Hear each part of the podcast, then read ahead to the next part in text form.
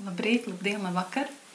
Sveicināti podkāstā Piedzīvot skolu, un šī šķiet jau ir septītā sērija. Man pamazām sāk just, jukt visi cipari un skaitļi, bet šodien pie manis ir ciemos kāds īpašs viesis. Nākot ciemos pie šī cilvēka, es sagatavojos. Pagājušā gada mm, nogalē es Twitterī izlasīju kādu tvītu, Un uh, es atļaušos to tagad uh, nolasīt. Tas nebija mans tvīts, uh, to rakstīja Liene. Diemžēl nezinu viņas uzvārdu, bet uh, noteikti paldies viņai par šo tvītu, jo gadījumā Liena klausās. Un tā tad citēja. Jo ilgāk strādāju valsts vispār izglītojošajās skolās, un kā vecāks sekoju līdzi savu bērnu skolas gaitām, jo vairāk saprotu, kāpēc kolēģi ir nodibinājuši privātās skolas un kāpēc vecāki ir gatavi par to maksāt. Un, manuprāt, mans šīs dienas ciemiņš, pie kur patiesībā es esmu atnākusi ciemos, ir ļoti atbilstošs šim tvītam un sasaucas ar, ar domu alternatīvā pedagoģija, cita ceļa meklējuma pedagoģijā un bērnu mācīšanā. Un, jā, es beidzot pasaku, ar ko es šodien sarunāšos. Tā ir Viktorija Ozola. Sveika, Viktorija! Sveiki! Viktorija ir piecu bērnu mamma. Montesori pedagoģijas entuziaste, kā arī bloga Es pati autore. Es pats. es pats, jā. Tieši tā, man vēl uz džemperi ir tāds uzraksts, kā es tā varēju sajaukt. Droši vien tāpēc, ka mēs abas dāmas esam. Gribējās dzimti mainīt. Jā, sveika vēlreiz. Sveika. Man ir liels prieks būt šodien pie tevis ciemos. Mēs jau mazliet aizkadrā aprunājāmies, aprunājāmies par tavām darba gaitām un par to, ka, ka tu šobrīd neko nedari un esi tikai piecu bērnu mamma, kas īstenībā manā prātā ir milzīgs varoņdarbs. Kā, kā, kā ir būt piecu bērnu mammai? Iedvesmojoši. Man visu laiku ir jautri. Nu, labi, dažreiz ir arī momenti, kad man galīgi nav jautri un gribās varbūt paraudāt. Bet es domāju, tas ir jebkurai mammai, arī tai, kurai ir viens bērns. Un varbūt ar vienu bērnu tas pat ir biežāk. Un, nu jā, bet mums visu laiku viss notiek. Mums visu laiku viss notiek, visi kustās, visi, visi kaut ko dara, kaut ko runā, un citreiz tas viss arī ir pa daudz. Mm. Jo visi visu kaut ko runā. Un, patiesībā es priecājos, ka šobrīd esmu Instagramā sākusi blogot un drusciņi mm, distancējos un atradusi kaut ko, kas man ļoti patīk. Ko es daru, ka es parakstu kaut ko un kā, mm -hmm. atslēdzos varbūt no, no tikai mammas. Jo ko tad tikai mamma, vai ne? Mm. Smieklīgi. jā, jā. Nu, jā, Tas tiešām ir nu, smieklīgi, jo būt mammai tas ir nepārtraukts darbs. Ne tikai fiziski, bet arī emocionāli, manuprāt. Mm. Un, un tas, tas izdegšanas process notiek ļoti ātri. Turklāt mums īstenībā nav iespējas no tā atteikties. mm, tas ir patiešām tas ir process non-stop. Un tas jau nebeidzas nevienā brīdī. Tas nebeidzas piecos, tas nebeidzas deviņos vakarā. Tas nebeidzas. Nu, Tas ir visu laiku 24, 7. Un plusā es vēl visu laiku domāju uh, par nākamo sezonu, piemēram, kuram trūkst kādi apavi, kuram vajag uz sportiņu kaut ko sagatavot, kuram vajag to, to, to. Mm. Un tad visu laiku ir tāds smadzenē aizmugurē vēl visu laiku papildus 101 doma. Uh, Es esmu šeit un tagad, un tāpat laikā domāju, laiku, kas mums vakarņās, ko brokastīs ēdīsim, kas mums mm. jānopērk, vai man ir jāizņem gaļa no ledus. Tas ir vienkārši nebeidzams process mm. ar domām, nepārtrauktām. Jā, tie it kā, it kā ikdienas sīkumi, no kuriem patiesībā sastāv visa diena, visa nedēļa, viss rudens vai ziema. Jā, um, vai tev ir bijis tā, ka tu esi gan mamma, gan skolotāja? Tu... Jā. Ja? Jā, nu, manas skolotājas gaitas vispār ir sākušās līdz ar bērniem. Man mm -hmm. ir pirmā, mana augstākā izglītība ir Ainava arhitekts. Mm -hmm. Pieci gadi augstskolā pabeidzu, izcili pabeidzu. Un uh, man kā reiz pēdējā kursā uz diplomu darba nu, pabeigšanu, man arī piedzima pirmais bērns. Un, un tad es lēnām, lēnām arī nonācu līdz pedagoģijai, caur Montessori. Mm -hmm. un, nu, nu, jā, es sapratu vienkārši, ka, ka tā aina var tur, lai arī man ļoti labi padavās. Un, uh, es strādāju darbus paralēli vēl aizvien, tad, kad arī otrais bērns ir, uh, bija piedzimis. Uh, man bija ļoti jāsaņemās, lai tos projektus sāktu darīt. Es varēju izmazgāt grīdu, saglabāt veļu un izdomāt simt un vienu attaisnojumu, kāpēc to nedarīt. Mm -hmm. Protams, tad, kad pieķēros, tad man patika, man patika rezultāts, man patika tā gandarījuma sajūta, kā tur beigās viss ir sanācis un, un ko klienti saka. Un tomēr, tad, kad es Montessori pedagoģiju ieraudzīju, man bija tā, ka man nu, rokas trīc, cik ļoti man gribās to darīt. Mm -hmm. Un tad jau tu saproti, ka varbūt tas ir tavs ceļš. Jā, nu to var just arī Instagramā, tavā kontā, tie ieraksti ir ļoti regulāri, ļoti rūpīgi, ļoti pārdomāti. Un to noteikti nevar, nevarētu darīt cilvēks, kam tas neinteresētu, vai būtu garlaicīgs, vai, vai ja tas nāk, nāk ar piespiešanos, tad tas jau pavisam nav vajadzīgs. Nu, jā, nu, man, man tieši tā ir. Es kādreiz smējos, ka, ja kāds cits tur, nu, ko saglabā Facebookā, ko saglabā Pinterestā, ja, ja kādam tas ir, nezinu, kaķīšu un sunīšu video, tad man tie ir Montessori kaut kādi pētījumi, vispār pētījumi par bērniem, ko citi ir kaut ko forši pateikuši. Pat ne tik daudz aktivitātes, kas man bija pašā pirmā, nu, sākumā. Mm. Tad tagad tas tiešām ir tāds, kas interesējas. Nu, tad kāpēc tie rakstītie burti ir pa priekšu? Nu, kāpēc, ir, kāpēc ir šādi? Kāpēc mēs matemātiku tā mācāmies? Kāpēc mēs darām to un to mm. šādā veidā? Un ka tas viss ir pierādīts. Tas nav kaut kas nav atnācis viens cilvēks un pateicis, nu, darīsim tagad tā. Man liekas, ka tā ir baigta foršā doma. Mēs tagad visu darīsim tā, mācīsim bērniem šādā veidā. Nē, tie ir parādījuši bērni, un tur ir bijuši pētījumi, un, un simts gadus šī metode ir pārbaudīta. Mm -hmm. Man liekas, ka tas arī ir mm, rīktīgi forši tiem mums arī skolotājiem. Viņi ir uh, tādi paši skolotāji kā jebkurš cits skolotājs, kurš meklē idejas tajā pašā Pinterestā, vēl mm. kaut ko ar Google, visu kaut ko meklē. Un, un, uh, mēs tieši tāpat visu meklējam, tikai mums ir vēl papildus uh, nu, Montessori albumi. Tie ir nu, tās, tās mapes ar praktiskām lietām, mm. kā var kaut ko iemācīt, kā var kaut ko pastāstīt, kā var interesanti novadīt nodarbību, plus tas ir saistīts vēl ar ar, ar bērnu psiholoģiju, kas viņam tajā brīdī interesē, mm -hmm. kādā veidā mēs viņam varam to pastāstīt. Un šī metode ir pārbaudīta. Tad viņi izgaisa laika pārbaudi, mm -hmm. un tas mhm. darbojās. Mm -hmm. Jā, tu, nu, tu principā atbildēji vienu no maniem jautājumiem, kāpēc Montessori? Kāpēc tieši Montessori pedagoģija ir tas, ar ko tu esi aizrausies, kāpēc ne tradicionālā skola un, un vispār izglītojošās iestādes, bet tieši Montessori? Kas ir tas? Nu, jā, nu, pirmkārt, tas ir, ka man ir iemerdzē, iemerdzējušās acis uz to, ka tas ir pārbaudīts. Un, uh, man ļoti patīk tas veids, kā mācās. Tas nenosēžās uh, visu klasi, visi tagad sēž solos, 40 minūtes mēs mācāmies matemātiku.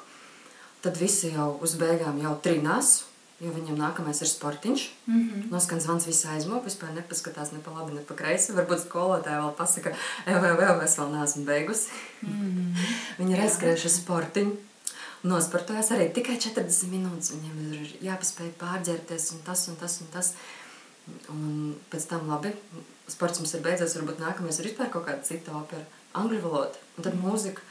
Un uh, man sorry pedagoģijā tā nekad nav ir trīs stundu darba periods. Mums, protams, liekas, ka ar pat 40 minūtes viņš nevar nokoncentrēties. Nu, kur nu trīs stundas? Un tomēr, tad, kad ir tās uh, trīs stundas, uh, tad bērns ir gatavs izdarīt daudz lielāku darbu nekā tad, ja viņam ir dota, nu, reāli tās pat nav 40 minūtes. Jums vajadzētu sākumā uh, aiziet vienkārši pārbaudīt, kurš ir klasē, kurš nav, varbūt kaut kāda disciplīnas jautājuma, izstāstīt, ko mēs šodien darīsim. Tur jau aiziet laiks, stundas beigās aiziet laiks projām, tāpēc, ka visi jau skatās pulksteņos, kad būs tas zvans. Mm -hmm. Un reāli varbūt beigās paliek tās 30 minūtes. Varbūt, jā. Varbūt.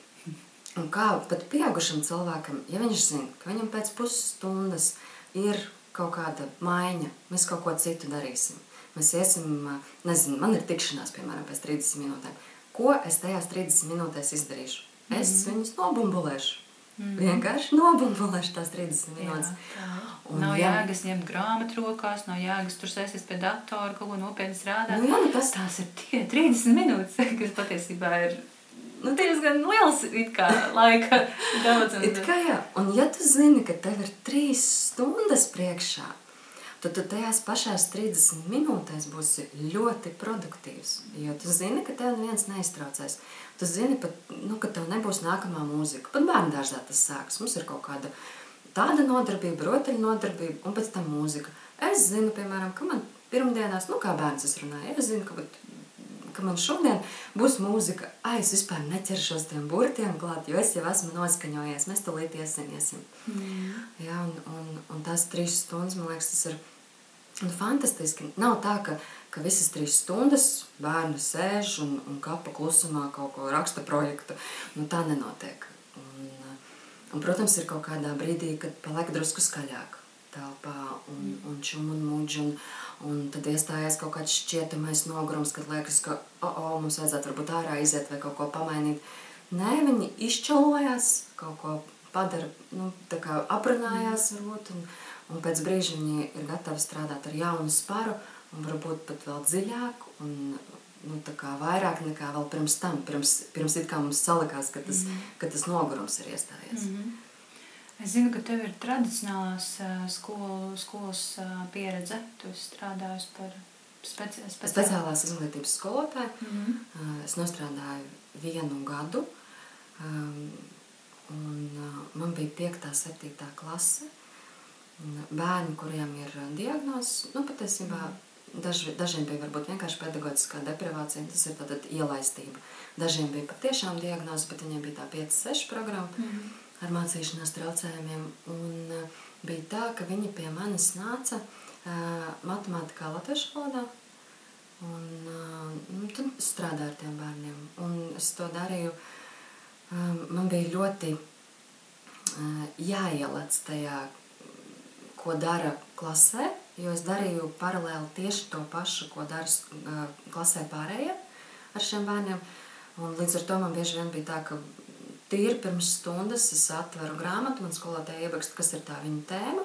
Mm. Un tad, tad man 5, 6, 7 klases es vienkārši latviešu valodā vai matemātikā vienkārši ņemu, ielecu un strādāju. Un paldies Dievam, man bija tā Montessori pedagoģijas izglītība, kur, kur tu patiesībā esi nu, skolotājs uz, tie, uz vairākiem priekšmetiem. Mm -hmm. Tu zini tās metodas, un kā jau teicu, ir tie albumi gatavi, kur, ti, kur tev, un arī viņi ir galvā daudz maz, ka tu vari zināt, kā, kā es to varētu viņiem parādīt. Un, godīgi sakot, mums patiešām tas bija ļoti veiksmīgi, un um, mums nebija nekāda problēma ar tiem bērniem. Un tie bērni, kuri, kuri klasē nevarēja komatus salikt, es viņiem paņemu pēc manas arī pedagoģijas metodas sarakstu garās strēmeles ar teikumiem un saku, nu, tur, kur tev liekas, ka ir jāliek komats, tur plēst to lapu. Mm -hmm. Plēst to teikumu. Un, nu, iedomājies, mums pa, pa visu to gadu uh, Bija tikai viena reize nepareizi saplāsta lapa, un bērns to saprata pats. Viņš viņu salīmēja. Tad, kad to burtnīcā ir vienkārši ar pilspālu ir kaut kur jāsabāž komati, tas ir viens. Bet tad, kad uh, mums ir reāli jāplēš tā lapa, mm -hmm. tad mhm. tu padomā, kuras viņu plēsīšu. Tā ir superīga ideja. Paldies. Lūdzu. Un iedomājies, man arī pedagogiem ir nu, pilns ar šīm, šīm idejām. Pilns. Jā.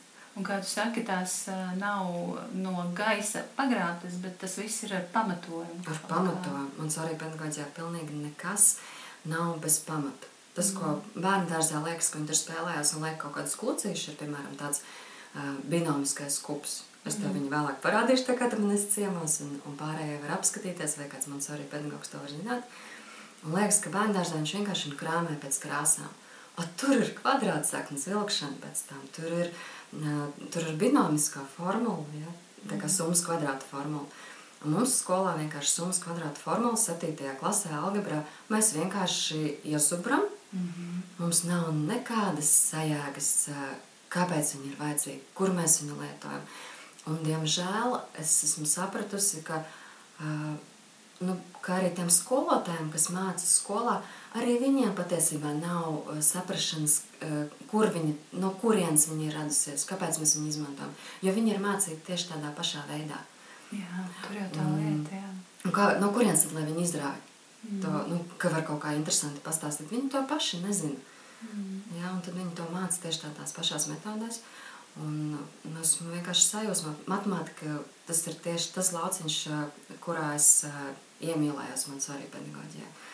Visas tās formulas, es vienkārši nu, acis mirdzu uz to, kā, nu, kā mēs vienkārši viņus zubrijām. Un, un to Montessori pedagogs tev parāda tādā veidā, ka tu saproti, ka laukuma formula, piemēram, ka tu vari zināt vienu vienīgu taisnu stūri, un tev ar vienu citu, uh, ar citu materiālu tev parāda, kā no tā taisnas stūra var dabūt jebkuru citu formulu. Mm. Tā reāli tā ir tava domāšana, ko attīst. Mm -hmm. Kā tev pašai gāja skolā, tad, kad tu mācījies? Es pabeidzu kā labākā. Tā teicamniece, kura mm, kurai visur bija lieliskas atzīmes. Tātad, beidzot, 12. klasē man bija viens vienīgs septīt, viens septītnieks, vispārējie bija 90. Par to septītnieks vēl aizvien drusku dusmīgi. Man vienkārši nepatika skolotāji. Kurā pēkšņi tā bija? Es neteikšu, ja viņi klausās. ah, nu jā, tu pateici, ka nepatika skolotāji. ja nu viņi klausās, es negribu aizvainot cilvēku. Bet redziet, cik daudz ir atkarīgs no tā, vai man patīk skolotāji. Nu, no tā ir burtiski mm, viss atkarīgs. Nu, Gan drīz viss, jā. Tās, tās attiecības ar skolotāju, manuprāt, ir uh, viens no galvenajiem. Un, nu, panā, viena no galvenajām panākuma atslēgām skolā.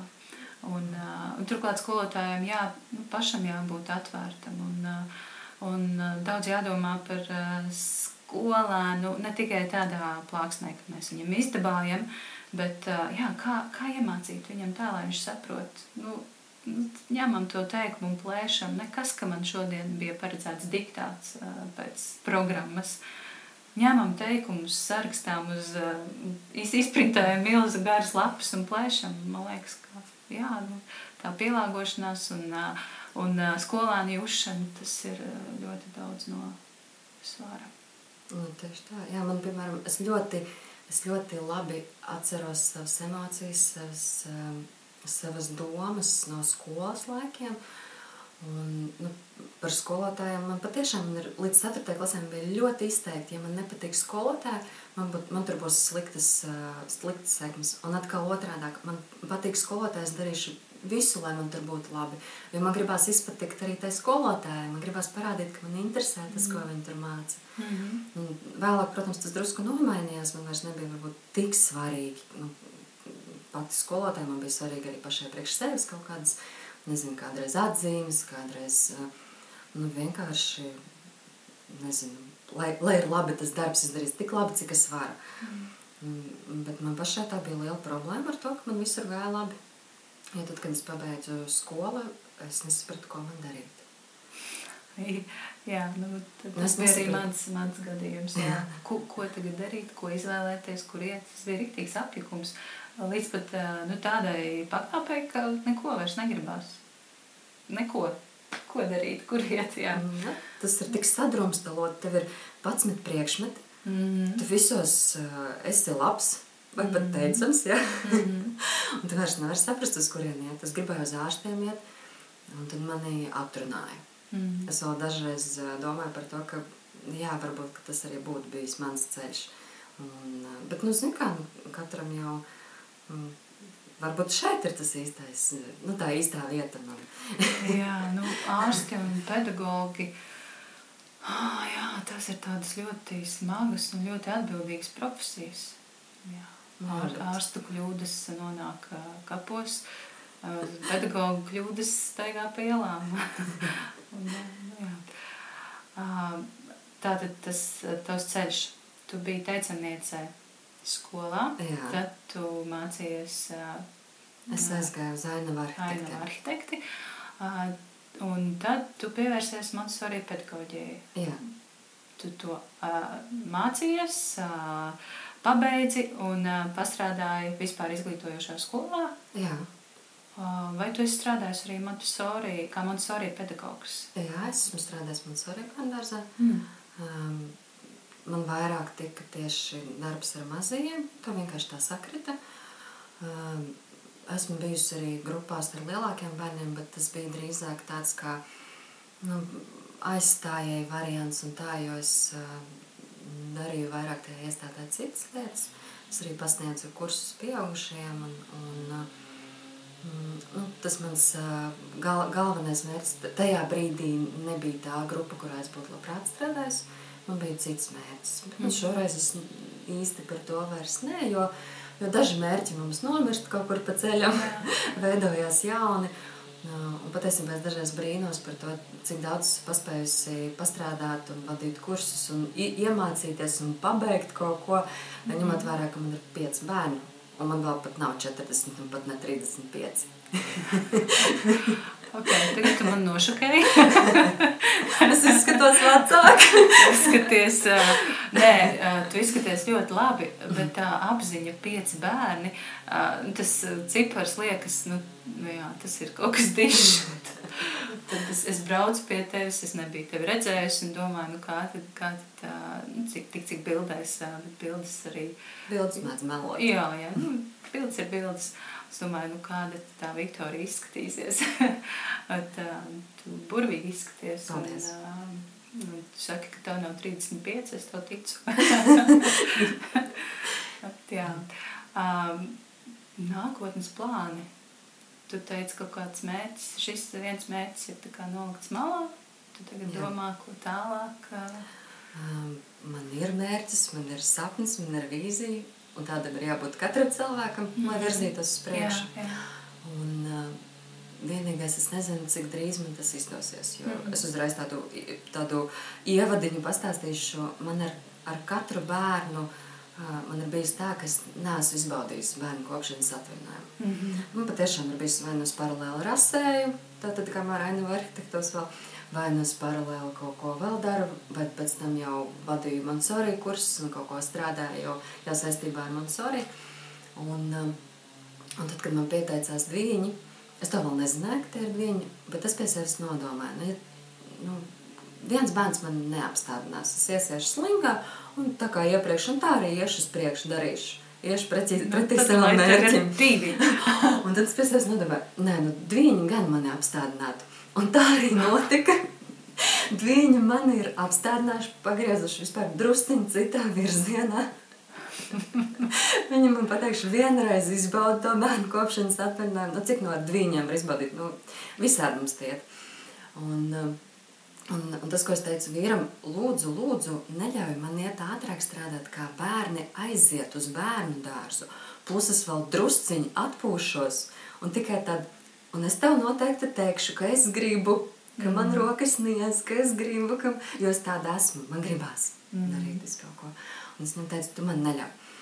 Un tā kā bērniem šobrīd ir gads un trīs, mm. tad vēl man ir diezgan krietnes laiks, lai uzkrātu sevi šo enerģiju un uzsāktu un um, es noteikti gribētu, es negribu zaudēt saikni ar, uh, nu, dzīv, ar dzīvām nodarbībām, kuras redzu bērnus, kuras ar viņiem strādāju, um, jo mums ir ļoti ērti un viegli runāt uz papīra. Mm -hmm.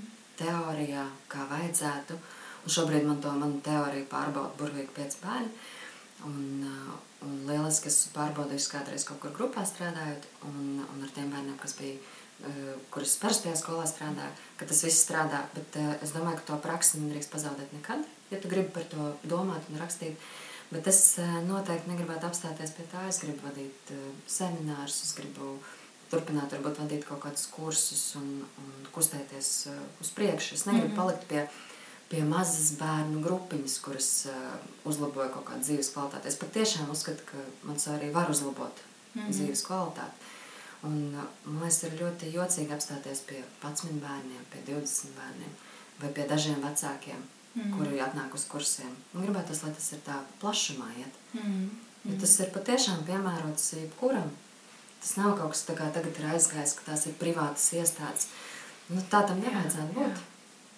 Jā. Um, jā, es esmu runājusi ar, ar Montesori pedagoģi vienu citu, un Viņas uzskats ir tāds, ka tagad šī jaunā kompetenci pieeja, kas uh, tiek uh, ieviesta Latvijas skolās, ka tas patiesībā ir tas pats Montessori, uh, visi Montessori principi, kas jau, kā tu saki, simts gadus ir bijuši aktuāli, nu, un tikai nu, tagad tiek ieviesti pie mums.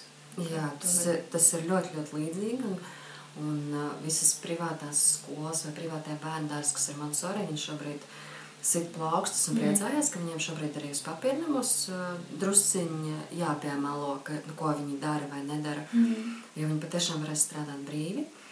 Un es priecājos, uz ko tas iet. Uh, taču manī bažas ir par to, ka Piemēram, ja es esmu to programmu, kas ir 6 līdz 12 gadu veciem bērniem paredzēta, esmu mācījusies 3,5 gadus. Mm -hmm. Mans arī pedagogs. Un plus vēl pirms tam 14 mēnešus no 3 līdz 6 gadu vecumam.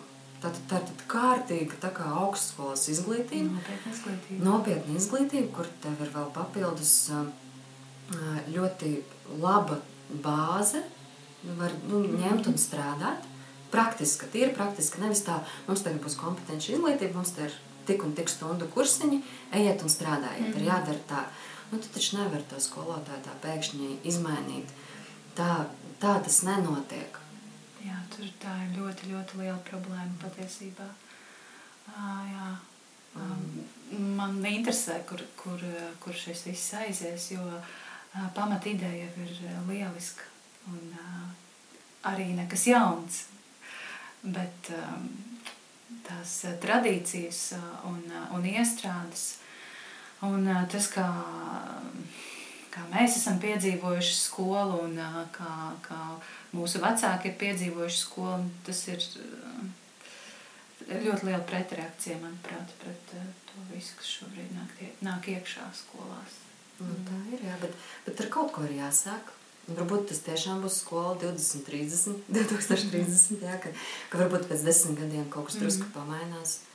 Skaidrs, ka izmaiņas ir nepieciešamas un kaut vai mazumiņš, ja mainās, tas ir lieliski. Galvenais, lai ir šie, šie pedagogi, kuri grib strādāt un kuriem acis deg. jā. Um, tas, ko viena liela tēma, par ko es gribēju parunāt, aprunāties, ir mīti par Montessori pedagoģiju mm. un, uh, un, okay. un ne tie varbūt um, nu, pozitīvākie. Labi. Um, Izaicini man Jā, man ļoti, ļoti interesē un es uh, no sirds gribu, lai tu to atspēko un, un es ceru, ka šo noklausīsies uh, uh, daudzi, gan mana mamma, gan varbūt vēl mani kolēģi, kas uh, ir diezgan noraidoši pret Montessori pedagoģiju. Un tie, tie galvenie pretargumenti ir um, numur viens, ka um, bērni tiek izlaisti, ka viņi nesaprot uh, sistēmu. Uh, tālāk trešais, ka ko viņi darīs pēc tam. Viņi taču nespēs iekļauties uh, parastā skolā vai parastā dzīvē. Uh, Uh, numur četri viņi tiek uh, audzēti kā dārzenīši siltumnīca. siltumnīca, varbūt neprecīza vārdu izvēle, bet, nu jā, viņi tiek apčubināti kā dārzenīši, kā mazi tomātiņi, un, un tad viņi pēc tam aiziet uz parastu skolu un tur pazūd. Un, Jā, ar šo pastāst par šo, un man pēc tam ir vēl viens jautājums. Labi, pagaidi, bet tev bija daudz tie jautājumi. Sākam Jā. no sākuma. Pirmais bija. Uh, numur viens, ka viņi tiek izlutināti, izlaisti tādā veidā, mācoties. Es neredzu, kādā veidā, lai viņi tiktu tur izlaisti. Mm. Uh, es pastāstīšu, nu tā tīri vēsturiski. Šobrīd ir kā uh, privātās skolās, tur ir daudz skolotāju klāt tiem bērniem. Mm. Nu, tur apmēram uz septiņiem bērniem viens un tā. Bet uh, nu, tīri vēsturiski, ko pat mans arī saka, ka ir 40 bērnu grupa, mm. ir viens skolotājs. Un tad man gribās uzdot pretī jautājumu, kā tev šķiet, vai 40 bērnu grupa bez noteikumiem izlaisti ar vienu skolotāju, mm. vai, tas, vai tas var pastāvēt? Nē, vispār. Tas nevar pastāvēt. tā, tā, nu, es ne, nespēju iedomāties, kā tas ir. Tieši tā. Mm. Un tur ir diezgan nu, stingri tie noteikumi. Viņi ir, ir konkrētas robežas, un šo robežu ietvaros tev ir brīvība. Mm. Tā kā mums visiem, tā kā vecāku grāmatās raksta, kā būtu jādara. Un tur tā apmēram arī ir. Es sākšu ar bērnu dārzu, jo tas ir man, man daudz tuvāk, jo es viņus daudz vairāk redzējusi. Nu, kā tas notiek? Tur ir pilns ar Montessori materiāliem. Viņi stāv atvērtā tipa plauktos, mm -hmm. zonās. Tātad mums tur būs praktiskā dzīve, mums tur būs matemātika, latviešu valoda, mums tur būs sajūta materiāli, dabas zinības. Tas viss stāv atvērtos plauktos. Uh, mums tur nav LEGO, mums tur nav spēļu virtuvītes, mums mm. nav lelles, mums nav lāču stūrītes un vēl nezinu kas. Mm. Tātad bērniem jau var noņemt tie kairinātāji, kas, kas viņus citreiz parastā dārziņā vienkārši uz izklaidēm tā kā pasauc un, un tātad tas jau ir nost. Mm -hmm. Viņi ir mierīgāk, viņi daudz labprātāk izvēlēsies tos darbus, kas viņiem tur ir. Un skolā ir patiesībā ļoti līdzīgi. Ir atvērtā plaukta sistēma, zonāli sadalīti tie, nu, tie materiāli, kas ir aicinoši ļoti. Un, viņi ir skaisti tādā ziņā, ka viņi ir aicinoši mm. un izkārtoti skaisti. Un, um, ir noteikums, ja tu, tu drīkst ņemt to materiālu, ar kuru tu zini, kā darboties. Un, ja skolotājs redz, ka šis bērns šo materiālu ņem pirmo reizi, Viņš nekad ar viņu nav darbojies. Viņam tiek parādīta ļoti konkrēta, eh, nu, ļoti konkrēta kā, demonstrācija, kā tieši ar šo darbu strādāt. Un šis bērns, kurš ir paņēmis materiālu, viņš uzņemās ar viņu strādāt. Viņš viņu nelieto citiem mērķiem. Viņš ar viņu darbojas. Tad, kad viņš ir padarbojies, viņš viņu noliek atpakaļ plauktā, atgriež.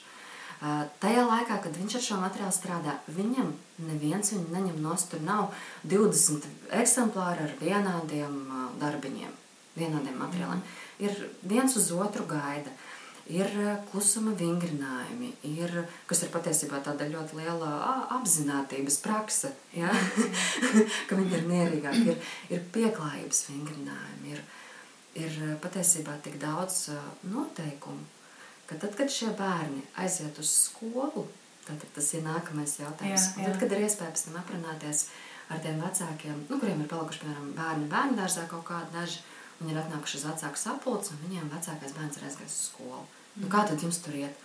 Un visi kā viens stāsta, ka, um, zini, lielākā problēma ir tā, ka bērns nesaprot, kāpēc viņi neievēro noteikumus. Mums skolotāji pateica, ka ir jādara tā un tā, bet tas un tas puisis viņš tā nedarīja. Kāpēc viņš tā dara? Mm -hmm. ja, tas ir tas lielākais šoks. Mm -hmm. Vēl viens šoks ir bijis, ko mums stāstīja, un tas man ir iespiedies ļoti atmiņā, un to es ik pa laikam kaut kur stāstu. Mums lielajos kursos, kas bija 6 līdz 12 gadu vecuma posmam, mums viens no skolotājiem, viens no pasniedzējiem bija no Vācijas, kas pabeidza pamatskolu Montessori skolā, un viņš kopā ar savu klases biedru turpināja mācības parastā vācu vidusskolā. Mm. Viņi ienāca klasē un ķērās uzreiz pie, pie darba, vēl pat pirms zvana. Un, tā, un tie pārējie reāli nesaprot, kāpēc viņi tā dara. Pat tas mm. skolotājs nesaprot, kāpēc jūs tur, ko, ko jūs tur darat, ko jūs tur strādājat. Jums, es esmu ienācis klasē, jums ir jāpieceļās, jāsasveicinās ar mani. Mm. Vai arī tad, kad viņi projektā rokās dziļāk un tālāk. Priekš kam tev to vajag? Mums pietiek ar to un to. Mm. Tas ir pāri kaut kam. Mm. Nu, tā kā tieši um, nogriež to interesi. Tā parastajā skolā patiesībā piedodiet, bet nogriež interesi. Bet man mm. bija tā, ka es, tad, kad es strādāju parastā skolā, man kursos bija viens uh, darbs, par kuru es vēlējos iet uh, pakonsultēties ar parastās skolas skolotāju. Un es viņu konsultējos un prasu, nu, kā tur sauc to un to. Viņi man saka, kam tev to vajag? Bērniem tas nav jāmāc, mums tas nav programmā. Es saku, bet, bet tas taču ir interesanti. Kāpēc mēs nevaram kaut ko tā padziļinātāk painteresēties? Ja? Nē, nu, nav viņi neizlaisti, un viņiem ir grūti pēc tam skolā. Nu, nu, tajā, šādā ziņā ir, nu, ir sarežģīti, ka tie noteikumi ir no jauna jāpieņem. Mm. Par to, ka viņi uh, zina kaut ko vairāk, piemēram, tāda pati matemātika vai valoda, viņi ir diezgan spēcīgi arī man svarīgi dārziņos. Un patiešām es aizēju uz skolu un zinu kaut ko vairāk. Bet kā ir pieaugušajiem? Tad, kad mēs sēžam auditorijā, piemēram, augstskolā jau, ja? un tad, kad mums pasniedzējs stāsta kaut ko, ko mēs drusciņi jau zinām, katrs nākamais teikums mums ir kā papildinājums. Tikai. Mm -hmm. Mēs uz to paskatāmies no citas skatu punkta. Mums tas tās iegūtās zināšanas no tās lekcijas mums būs daudz lielāks nekā tiem, kas vispār pirmo reizi dzird tādu terminu, kur mm -hmm. vispār taustās, ko viņi tur stāsta. Un tieši tāpat ir bērnam, kurš varbūt man arī bērngārzā ar, ar matemātikas materiāliem ir daudz praktiski strādājis, ir ļoti daudz taustāmu materiālu. Ir, mm. Būs tūkstoši kups, būs simta plāksnīti, būs viss kaut kas, un, un viņš ir aptaustījis to visu. Un tad viņam paņem un abstrakti parāda tos tāfels. Un īstenībā tas viņam ir jaunums, ko viņam stāsta. Bet viņam saslēdzas, ah, tas bija tas, ko mēs darījām tur dārziņā. Mm -hmm. Un tiem bērniem ļoti bieži stāv acu priekšā. Tad, kad viņam ir jārisina abstrakti piemēri, viņš savā galvā rēķina tajās Montessori pērlītēs, un viņam daudz vienkāršāk tas viss saliekās. Mm -hmm. Nu, redz, to viņš darīs skolā. Sapratīs labāk. jā, jā.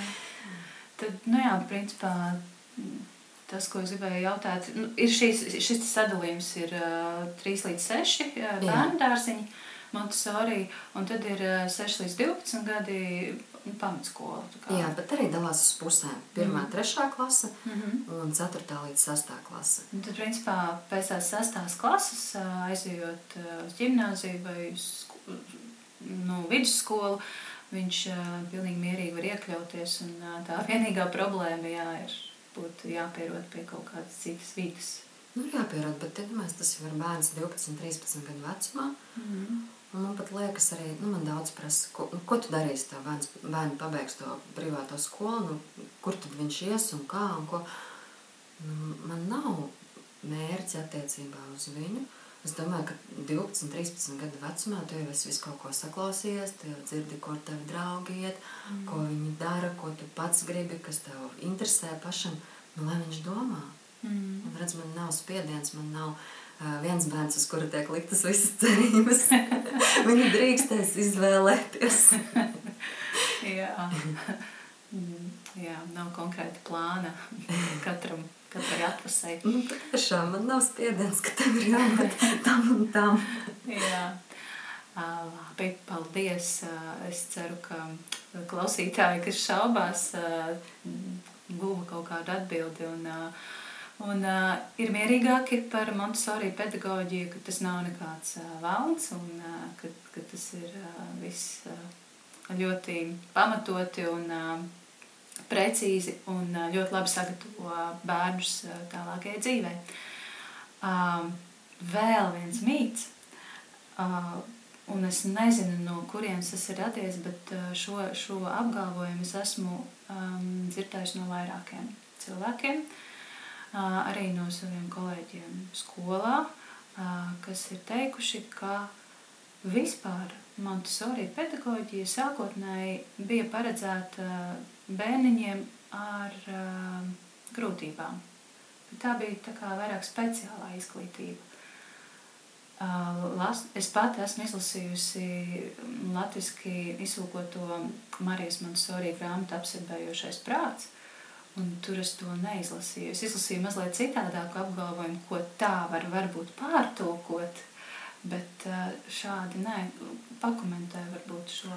Nu, redz, Marija Montesori ir daktari Viņa bija pirmā doktora Itālijā. Un patiešām tā viņas pirmā praksa ar bērniem bija uh, ar tiem bērniem, kuriem ir garīgas attīstības problēmas. Mm -hmm. Un ko viņi pamanīja tajās institūcijās, ka tiem bērniem, uh, ka ne jau fiziska aprūpe, pabarot un, un apģērbt un, un nolikt gulēt viņam ir vajadzīga. Viņi pamanīja uh, dienās pusdienās, ka tie bērni nevis ēd maizi, bet ripina bumbiņas mm -hmm. tās maizes. Viņi saprata, ka viņam vajag kaut kādu intelektuālo slodzi. Un viņi turpināja ar viņiem darboties, nu, uzsāka, nevis turpināja, viņi uzsāka ar viņiem darboties tīri intelektuāli, iemācīja, iemācīja arī burtus daudziem un, un vispār panāca ļoti fantastiskas lietas. Tā, ka tad, kad bija jākārto um, pārbaudījumi, valsts pārbaudījumi, uh, tad uh, šie bērni, uh, daži no viņiem nokārtoja labāk nekā parastās skolas audzēkņi. Un tad uzskatīja, apēc kā tas vispār varēja notikt, kā tas varēja būt, ka, ka lūk, šie bērni, ka viņi varēja labāk kaut ko izdarīt. Un tad viņi turpināja eksperimentēt, kā tas ir. Ja jau tas tik labi darbojās ar šiem bērniem, kā tas darbotos ar uh, normas intelektu, kā tas darbotos ar parastiem bērniem. Un viņai radās arī izdevība. Bija tāds uh, strādnieku kvartāls, ko gribēja taisīt tādā ļoti modernā veidā, kad tur strādniekiem ir nodrošināts arī bērnu dārzs bērniem. Un uh, Marija Monsorija paaicināja vienkārši kā, kā, kā vienu no, no tiem galvenajiem pedagogiem, kas tur to visu tagad uztaisīs. Tā ir tā Kaza de Bambini Itālijā. Mm -hmm. Un, uh, un tur viņi uzsāka darbu ar parastiem bērniem. Un sākumā viņi strādāja tīri uz praktiskās dzīves uh, vingrinājumiem, jo tie bērni atnāca visādi. Viņiem bija sākumā jāiemāc gan nomazgāties, gan aizpogāt, gan vispār uzvesties pie galda. Un turpināja ar sajūtu materiāliem. Un, uh, tad viņai vecāku vadīta, viņa sāk strādāt arī ar burtiem un apmācīt rakstīt un lasīt prasmi. Viņa tā sākumā negribēja, mm. bet uh, vecāki nāca un uzstāja, jums tik labi izdodas sarunāt ar mani bērnu to un to. Un tad viņi pamanīja arī to, ka tie bērni, nu tā kā varēja redzēt, ka viņi ir gatavi tai nākamajai fāzē, ka pat ja viņi nebija mācījušies, nevienam kāds bija dzirdējis kādu burtu mājās, kāds kaut ko mācījās, viņi nāca un pie tāfeles paši kaut ko sāk rakstīt, un tad viņa nu, izlēma arī pati mēģināt. Un šīs metodas viņai parādījuši paši bērni. Viņi kā mēģināja kļūt ceļā, skatījās, kā un ko. Mm. Un tad lēnām izauga tas viss arī līdz skolai. Un, nu, lūk. Jā, nu skaidrs.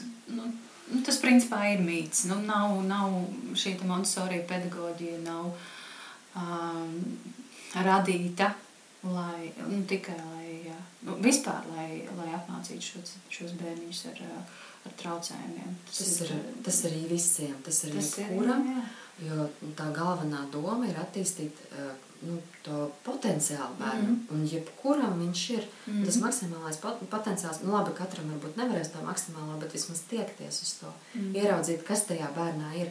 Un to var ieraudzīt gan īpašajā bērnā, to var ieraudzīt parastajā bērnā. Un vispār mans arī pedagogs un bērns skatās tā nākotnes acīm Mm. Vispār norobežojoties no to, ko tu par viņu esi dzirdējis, kas ir viņa vecāki, ko tu par viņu domā, visu to noliec malā, skaties uz to bērnu mm. un redzi to bērnu, kas būs tikai nākotnē, kas no viņa var sanākt. Mm. Un dod viņam labāko. Mm, skaisti. Jā, paldies par šīm atbildēm vēlreiz. Mm, šķiet, ka es esmu gatava pievērsties manam mīļākajam tematam. Tās ir grāmatas. Es tev sekoju Instagram, un tu ik pa laikam dalies ar burvīgām bērnu grāmatām. Tās ļoti bieži ir angliski. Kur tu tās pēc? Kā tu, kā tu izvēlējies grāmatas, kuras tu iegādāsies un noliksi plauktā? Uh, nu, zinot, ka tavi bērni arī šīs grāmatas ņems un skatīsies, kā, kā, kā, kāds ir, kāda ir kritērija? Zini, patiesībā tas ir ļoti grūts jautājums, jo es to lielākoties daru ļoti intuitīvi. Un, uh, man ir gan tā, ka es atrodu vienkārši kaut kur ārzemju lapās, atrodu, bet uh, Latvijā es eju uz Mr. Page Bookstore, mm -hmm. kas ir uh, Miera ielā. Un es šķirstu tās grāmatas, un bieži vien uh, tur ir arī latviešu valodā grāmatas, bet tās uzreiz nolieku nost un nemaz neskatos, jo tās es varēšu dabūt arī pēc tam mm -hmm. grāmatnīcās mm -hmm. vai vienalga kur. Un tās angļu grāmatas tur ir tāda tomēr izlase, un tomēr uh, nemilzīgos apjomos, un es paskatos, kas no tā ir tāds, kas man patīk, kas mm -hmm. man aizķer emocionāli, vai tas bērniem kaut ko mācīs, vai... Mm, es skatos arī, eh, kā ir uzrakstīta šī grāmata, tīri šrifts. Mm -hmm. Jo man ir bijušas ļoti daudzas, eh, kā es bikibuku grāmatas izvēlos. Es skatos, vai bērns to varēs pats izlasīt. Vai tur nav par raibu, vai tie burti nav pārāk jocīgi. Mm -hmm. Tas ir nu, arī viens no kritērijiem. Man var patikt sižets, bet, ja man nepatiks tie burti, ka mans bērns to nevar izlasīt, mm -hmm. tad es viņu, diemžēl, likšu nost Mm. Mm. Es, es pat nebiju par to iedomājusies, jo es jau varu visu izlasīt. Bet jā, tas mazais eh, cilvēciņš, jā, nu, tur noteikti ir kādas grūtības saskatīt, saredzēt. Jā, jā tā valodā ir nozīme. Mm. Vēl, vēl viens kriterijs, eh, tīri bērnu dārzniekiem es skatos, lai tas teksts nav pārāk uh, lielos raibumos. Vispār ideāli būtu, ja vai nu ir viena, divas līnijas, lejā rakstīts, ir, ir zīmējums, -hmm. un ir lejā divas, trīs līnijas, ar, ar divas, trīs rindiņas ar, ar tekstu. Un es varu lasīt un nokoncentrēties uz to tekstu, un vispār mm. man nejūgt visu kopā. Un, protams, lielākiem bērniem tur ir vajadzēja drusku citi kriteriji, kas ir viņu interese, par ko viņi lasīs. Man īstenībā ir smieklīgs stāsts. man ir, zin, es eju un, un tik izvēlos tās, tās labās, emocionāli inteliģentās grāmatas un, un ļoti skatos, kas ienāk mūsu mājās un plauktos. Un manam bērnam uh, uzdāvināju uz vārda dienu, tātad viņam bija četri ar pusgadi, nē, nu vairāk jau, jau tuvāk pieci, bet uh, vēl nav pieci. Viņam uzdāvināja dāvanu karti mm -hmm. grāmatnīcā. Uh, Nu, ja jau dāvana karte, tad dāvana karte. Ieejam grāmatnīcā, un tu drīkst paņemt to grāmatu, kuru tu gribi. Un viņš iet, un viņš ņem Angry Birds komiksu. es tā kā pie sevis domāju, nu, kā varētu ļaut, bet es, es klausies Edmundiņu, varbūt paskaties, kāda ir šeit grāmata, vai tu šo negribi. Nē, mamma, es gribu šo. un viņš paņem tā Angry Birds komiksu, domāju, nu, lai jau viņam tiek. Tā bija viņa dāvana, Tā ir viņa izvēle, mm. lai viņš ņem. Un, uh, viņš atnāk mājās, palasa man to grāmatu. Es saku, komiksus nelasa priekšā. Komiksus tev ir pašam jāskatās, kurš ko saka, kurš kurā vietā. Nu, vārds sakot, nu tāds, ka tā nav lasāmā grāmata, un turklāt es viņu tev priekšā nelasīšu. Ok, viņš sēž, un tu iedomājies, bērnam nebija vēl pieci gadi, viņš sāka lasīt. Protams, ka mums bija sagatavojošie darbi, Nu, protams, ka mēs esam gājuši pēc manas arī metodas, un viņš burtus pazina un kaut ko varbūt jau pat pludināja kopā. Bet tā, nu, tā lielā atklāsme, tā lasīšana, tas klikšķis viņam atnāca ar šo Angry Birds grāmatu, Cik kuru, kuru es nekad nebūtu izvēlējies, bet tā bija bērna izvēle. Un tas ir tik ārkārtīgi svarīgi, ka tā ir viņa interese. Jā, šis ir tas, ko es visu laiku aizstāvu. Un, un, un tas ir mans lozungs, ar kuru es pēdējā laikā eju un visiem saku, lūdzu, ļaujiet bērniem pašiem izvēlēties lasāmo, tad viņi lasīs ar interesi un prieku. Viņi nelasīs uh, to, ko mēs liekam. Viņi lasīs uh, jā, to, ko viņi tiešām paši grib. Un, nu, tas ir ļoti smieklīgs, ļoti patiess un, un ironisks un pati, nu, nu, jā, nu, foršs stāsts. nu, Tie, nu, tieši tāpat mēs arī turpinām šobrīd. Protams, ka mums ir kaut kādas grāmatas, ko nu, mums ir katru vakaru grāmata, ko lasa. Nu, principā šobrīd tikai mans vīrs, jo es nezinu kādu no viņa. Mm -hmm. nu, jau diezgan ilgi to dara tikai vīrs, bet uh, pirms tam to darīju es. Un tad mēs varam lasīt tās mūsu izvēlētās grāmatas. Un es domāju, tas ir ļoti svarīgi arī lielākā vecumā Un arī tas, kurš man tagad būs gandrīz deviņgadnieks, ja, arī mm. viņam tas vēl ir svarīgi. Viņam balas priekšā un tas dod citu valodas vidi un kaut ko par ko padomāt. Bet tāpat laikā to, ko lasa viņi, tā ir brīva izvēle. Viņi var lasīt savas Minecraft grāmatas. Mm. Un tas, ko viņi uzzina, arī tur ir brīnišķīgi. Bet viņi lasa. Jā, jā, jā tieši tā. Uh, Kas ir tas, ko tu varētu ieteikt, eh, kādu grāmatu tu varētu ieteikt eh, varbūt pedagogiem, eh, varbūt kādai mammai, kas šobrīd domā, ko es tādu varētu palasīt gan sev, gan varbūt savam bērnam? Man ienāca prātā uzreiz viena, tā iet mūsu lietas. Mm -hmm. Tā ir liels un mazs izdevniecības grāmata. Forša grāmata. Brīnišķīga grāmata ar humoru. Jā. Un tā patiks ne tikai bērniem, bet arī pašiem vecākiem būs prieks lasīt viņu. Mm -hmm. Viņi lasa priekšā. Fantastiska vārdu spēle. Patiešām tā ir grāmata, ko es ieteiktu katrā grāmatā plauktā mājās. Mm -hmm. Jā, paldies par ieteikumu. Man ir šī grāmata, un es arī iesaku. Jā. Um, tu pieminēji savu Instagram kontu. Es pats. Tev ir arī blogs, kurā gan Instagram kontā, gan blogā tu dalies. Tu ļoti, ļoti daudz dalies ar informāciju, ar materiāliem. Un tie ir par brīvu, vai ne? Tu... Jā, šobrīd tie, kas ir par brīvu, tie arī paliks par brīvu. Mm. Man ir, tad, kad man beigsies bērnu kopšanas atvaļinājums, tad es palaidīšu gaisā arī uh, tos materiālus, kas līdz šim ir bijuši pieejami tikai maniem paziņām, kas ir nu, par naudu jau kādam maksas mm materiālu. Līdz ar to es varēšu darīt, uh, nu, kā jau mm. ar rēķiniem, un tā mm. būs arī tādi. Bet šobrīd ir lielāk, nu, tas, kas mm. viss ir, tas ir pa brīvu. Mm. Jā, var turpināt savu jautājumu. es iesprādos. Jā, kā, kāpēc tu to dari? Kāpēc, kāpēc es to daru? Uh, bet paklausies.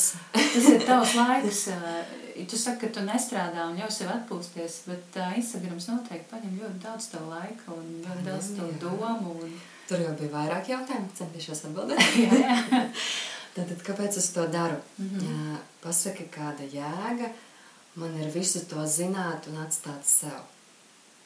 No tā nav nekādas jēgas, no tā nepaliek labāk neviena. Mm -hmm. Un tad, ja mēs to dodam plašumā, tas var noderēt ļoti daudziem.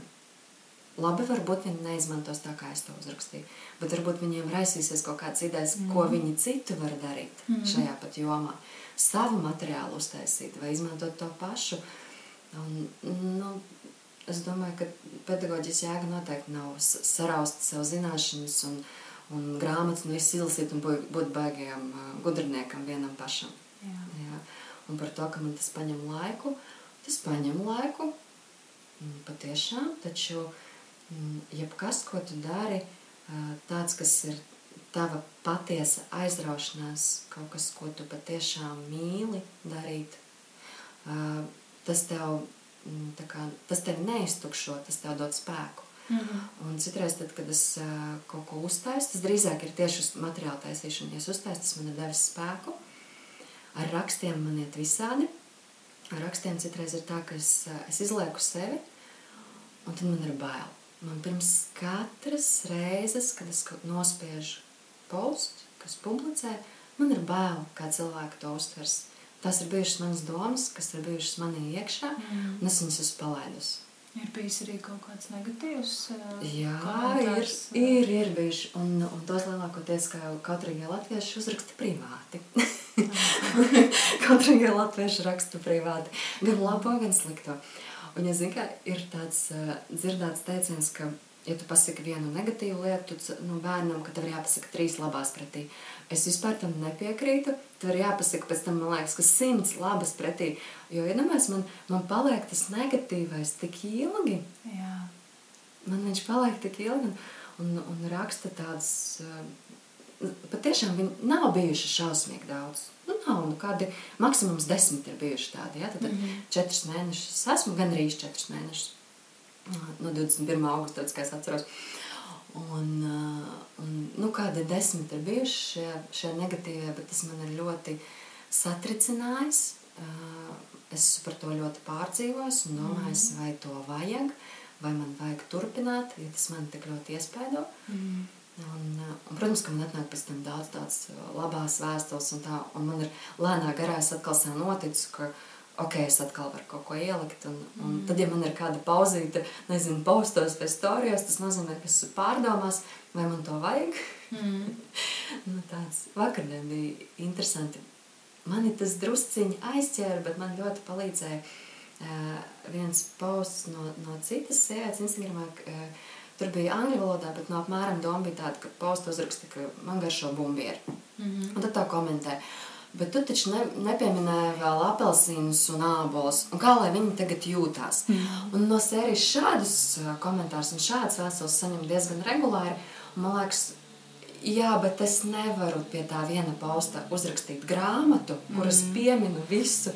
Es uzrakstu vienu kaut kādu domu, un varbūt tas, ko tu man tur esi iekomentējis, varbūt es jau esmu rakstījusi iepriekš. Mm. Pirmkārt, jau tas, otrkārt, nu, nu jā, mēs nevaram visu pieminēt vienmēr. Jā, jā. Nu, tā. Uh, nu, es novēlu tev jā, vairāk, vairāk lēšot jauko komentāru. Un, ja kāds gadījumā, kāds gadījumā grib uh, negatīvi izrunāties, nu, Droši vien, tā ir to cilvēku problēma. Droši vien. Droši vien. Droši vien. Jā, nu, tā visticamāk arī ir. Un, uh, tas ir ļoti grūti neņemt to nu, ļoti pie sirds. Tā, tas ir mans burbulis, ko es tur uzbūru Instagramā. un tu nāk un manā burbulī. Mm. Kaut ko saka. Jā. Bet sociālajie tīkli, šīs platformas, tāpēc ir lielisks, ka mēs varam bloķēt. Un, es līdz šim neesmu izmantojis šo opciju. Mm. Es vēl neesmu pat tur, kur man liekas, ka varbūt man vajadzēja bloķēt. Es sākumā es gribētu dot iespēju atsakot. man nesako, man nemokies, lūdzu. jā, jā. Tā. Bet es skatos pēc laika, ka neatsako. Mm. Kaut kas tur interesē. Jā, jā. jā. Paskatīties un ai, ai, ai, ai nodomāt, ka atkal, atkal tā Viktorija kaut ko ir sarakstījusi. Nē, nu, um, es uh, no savas puses, jā, es varu teikt, uh, sakojiet Viktorijai. Uh, un, uh, es pats uh, kontam Instagramā. Uh, man patīk, uh, man patīk, ka tie ieraksti ir gaumīgi noformēti. Paldies! uh, un uh, tie ir uh, saturiski mm, baudāmi un bagātīgi. Tā, tie nav pliki vārdi un uh, tie ir ļoti labi padomi un, un jēgpilni šis modernais vārds šobrīd. Jā, viss ir, viss ir ar jēgu. Paldies. Tev, tā kā, paldies tev par to. Ah, šķiet, ka mēs esam gandrīz stundu jau runājušas. Varbūt ir vēl kaut, kaut, kaut kas, ko tu vēlēsi pateikt. Ko es vēlos? Jā, Ko tu vēlēsi pateikt? Nu, lūk, šis ir pats grūtākais jautājums. Tad, ko es vēlos pateikt? Nekad nejautājiet cilvēkiem, kā tev iet. Tas vienmēr būs normāli. Nejautājiet tik abstraktus jautājumus, vai tu gribi kaut ko pateikt. Arī bērniem. Vienmēr vajag kaut ko ļoti specifisku. Cilvēkiem, ko tu satiec, mm. prasi, kā tev ir darbā, vai kā tev ir ģimenē, vai kā tev mm. bērnam tur un tas, tas un tas gāja. Tad mēs varēsim atbildēt. Un, un tieši tāpat ar bērniem. Nevis kā tev gāja šodien skolā, mm -hmm. normāli, mm -hmm. bet kaut ko ļoti konkrēti. Mm -hmm. un, un tad mēs patiešām varam šo sarunu kaut kur virsīt un, un atšķitināt vēl kaut ko. Nu, nu jā, labi, ka es to pajautāju beigās, nevis sākumā. labi, Viktorija, paldies tev liels par šo sarunu. Es ceru, ka mūsu saruna kādu iedvesmos, jo mani tā iedvesmoja. Es esmu par šo aizdomājusies. Un, jā, klausītājiem, ko mēs varam pateikt, lasiet grāmatas, runājiet ar saviem bērniem un esiet priecīgi. Paldies! Paldies! Tev.